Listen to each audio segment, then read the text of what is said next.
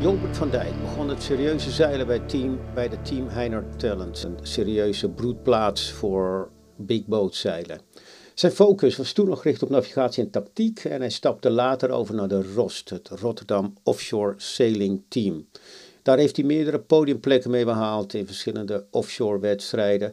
En hij is nu navigator op een van de Volvo 65, het Austrian Race Project. Jolbert is nu in Alicante en bereidt zich voor met zijn team op de Ocean Race, de Sprint Cup van de Ocean Race. Hoe voelt dat nu, een paar dagen voor de start? Ja, eigenlijk uh, hadden we halverwege afgelopen jaar het gevoel dat we de volledige ronde nog zouden doen. Dus daar hebben we eigenlijk ook de voorbereidingen voor gestart. En toen uh, leek het inderdaad wat minder rooskleurig. En dan nu weer de high dat we wel weer bij de start zijn. Dus het is echt wel een beetje een rollercoaster geweest voor ons. Maar ik ben nu vooral heel blij dat we het gewoon gered hebben. En dat we hier met een boot liggen en een team. En uh, dat we mogen starten. Top. En het team dat, waarmee je vaart is ook het, volgens mij grotendeels het team waarmee jullie ook veel getraind en gezeild hebben afgelopen jaar. Nou, we hebben denk ik 50, 60 procent van het team hebben we wel heel veel mee gevaren al. En een ander gedeelte is nieuw of is wat minder veel met ons mee geweest. Ja, oké. Okay. Je, jij bent altijd al, dat, dat zei ik in de introductie ook, uh, dedicated geweest met navigatie en tactiek. Waar komt die fascinatie vandaan? Ja, ik ben echt wel een hele grote fan van het strategische spelletje. Dus ik vind het heel leuk om zeg maar de strategische puzzel en de tactiek op te lossen. Ja. En dan zeker bij dat offshore zeilen heb je natuurlijk keuzes die je vandaag maakt en die dan over vijf dagen pas uitmaken. En dat vind ik echt super leuk om die puzzel te maken. En, en ook frustrerend kan dat zijn, hè?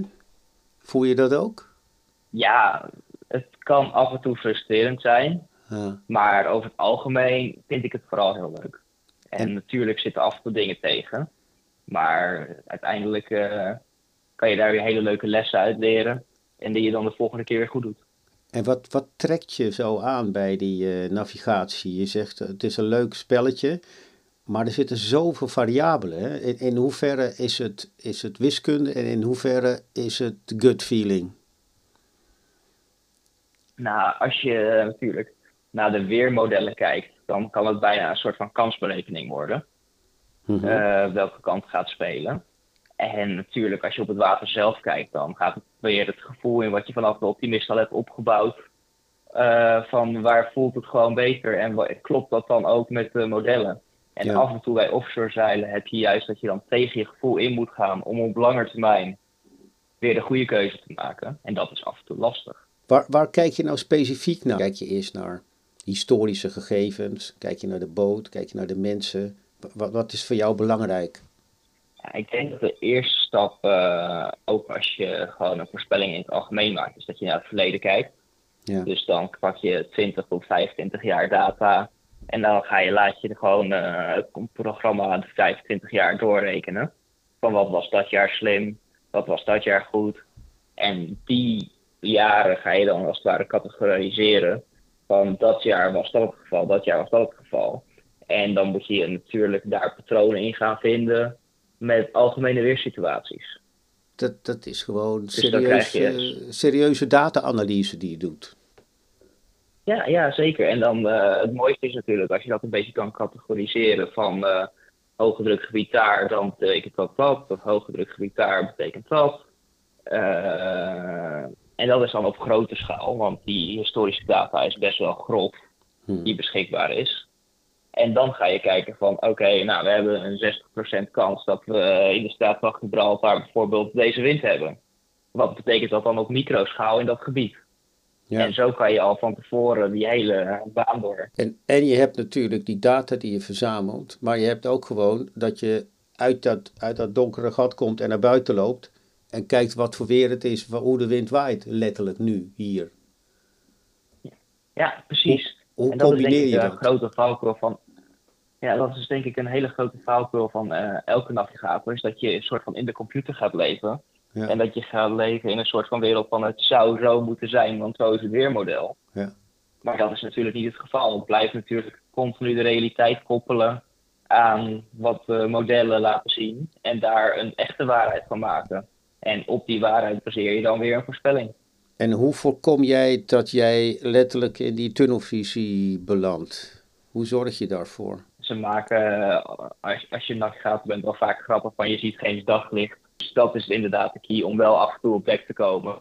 Heel veel te praten met de mensen die continu op dek staan. Ja, ja. En, en in hoeverre, kijk, je hebt natuurlijk die, die voorspellingen en de weermodellen, daar, daar vaar je blind op, zeg je, want die, die, dat is bijna kansberekening. En je vaart echt niet blind op die weersmodellen. Hè. Het is natuurlijk altijd de koppeling met de realiteit. Als een weermodel niet klopt, dan ga je natuurlijk daar geen keuzes verder op maken, Ja, eh, per direct. Eh, en als het gaat om voorspellingen die meerdere dagen vooruit gaan, dan krijg je eigenlijk verschillende opties. Of je gaat historische punten kiezen. Van historisch zou je ongeveer daaruit moeten komen. En dan ga je het vanaf daar naartoe rekenen. Ja. Of eh, je gaat eh, naar modellen kijken die eh, ensemble modellen. En dan kan je weer een kansberekening gaan maken van wat in ieder geval de grootste kans heeft op lange termijn. ja. Jullie varen met vrijwel identieke boten. En je zag bij de, de laatste eh, Volvo Ocean Race dat het soms bijna een matchrace werd tussen de schepen. Eh, hoe groot is de kans dat, eh, dat, dat Jolbert een eigen koers gaat varen en niet bij elkaar blijft? Bij die eerste etappe. Het is toch een dag of vijf, zes, zeven. Ja, ik denk dat de eerste etappe zit tussen de vijf en de zeven dagen, inderdaad. Ja. En ik denk dat de boten best wel identiek zijn. Het enige verschil is dat eh, eh, we nu zien dat er bepaalde boten heel erg goed zijn gerefit. Mhm. En heel veel boten hebben nieuwe zeilen. En wat wij, omdat we natuurlijk nu relatief laat zijn, hebben wij geen nieuwe zeilen. Dus daardoor zijn we per definitie op sommige koersen minder snel dan die andere boten. Dus daardoor zie ik de kans wel juist weer groter dat wij een, eh, een andere keuze gaan maken dan de rest van de vloot. We zullen echt niet eh, natuurlijk de, een andere kant op gaan als we daar geen winst in zien. Nee. Maar stel er is een significante kans dat iets wel gaat uitbetalen. eh, en we weten dat we door de zeilen mogelijk een fractie langzamer zijn dan de rest. Dan zie ik geen reden om niet ergens ons eigen plan te trekken als wij daar echt in geloven. Ja. En als je eh, kijkt naar eh, de eerste etappe, ehm, hoe, hoe bekijk jij navigatie technisch, tactisch, technisch deze eerste etappe? Ik denk dat eh, het stukje Middellandse Zee zijn natuurlijk heel veel microbeslissingen. Daar kan je niet hele grote verschillende dingen gaan doen dan de vloot. Dus daar zal vooral zijn de lokale effecten spelen en eh, dat doen. En dan zodra we Gibraltar is natuurlijk altijd, zeggen mensen, heel interessant. Maar uiteindelijk wijdt het maar één, één kant op of de andere kant op. Dus daar zijn relatief weinig mogelijkheden. En als we dan eenmaal op zee komen, dan verschijnen er opeens weer een grotere hoeveelheid hoeveel, eh, mogelijkheden. Mhm. En dan wordt het ook interessant, denk ik. Dus als we dan op de oceaan komen, inderdaad, dan hebben we nog uit mijn hoofd gezegd een grove 1200 mijl te gaan. En dan heb je natuurlijk een stuk groter water en meer opties. Waar zit volgens jou eh, voor jullie de kracht? Ik denk dat de kracht van ons team sowieso echt in het team zelf zit. Ja, We hebben eh, gewoon zo, eh, en zeker de mensen die gewoon aan de boot hebben gewerkt, die hebben zo belachelijk hard gewerkt de afgelopen tijd om ons maar aan die finish of aan die start te krijgen. Mhm. En het hele team is hier maar voor één reden. En dat is die wedstrijd. We zijn hier niet voor geld of voor andere redenen. En ik denk dat dat echt de grote kracht van ons team is. Wat verwacht jij van deze sprintcup voor jullie team? Ik denk dat eh, voor ons de, de mogelijkheid tot groei het belangrijkste is.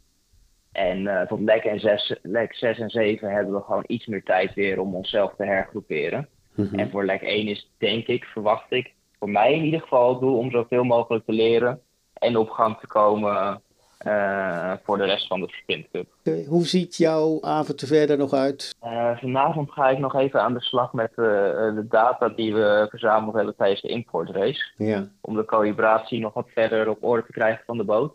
ja, Onze boot is namelijk echt eh 30 ja- december het water ingegaan. En toen hebben we heel snel een delivery deze kant op gedaan. Ja. En eh, ik denk dat we nu in totaal vier uur efficiënt gevaren hebben met het team en deze boten. Dus dat is echt heel weinig om alle support te krijgen. Dus daar ben ik nog even mee bezig vanavond. Veel succes en tot in Alicante.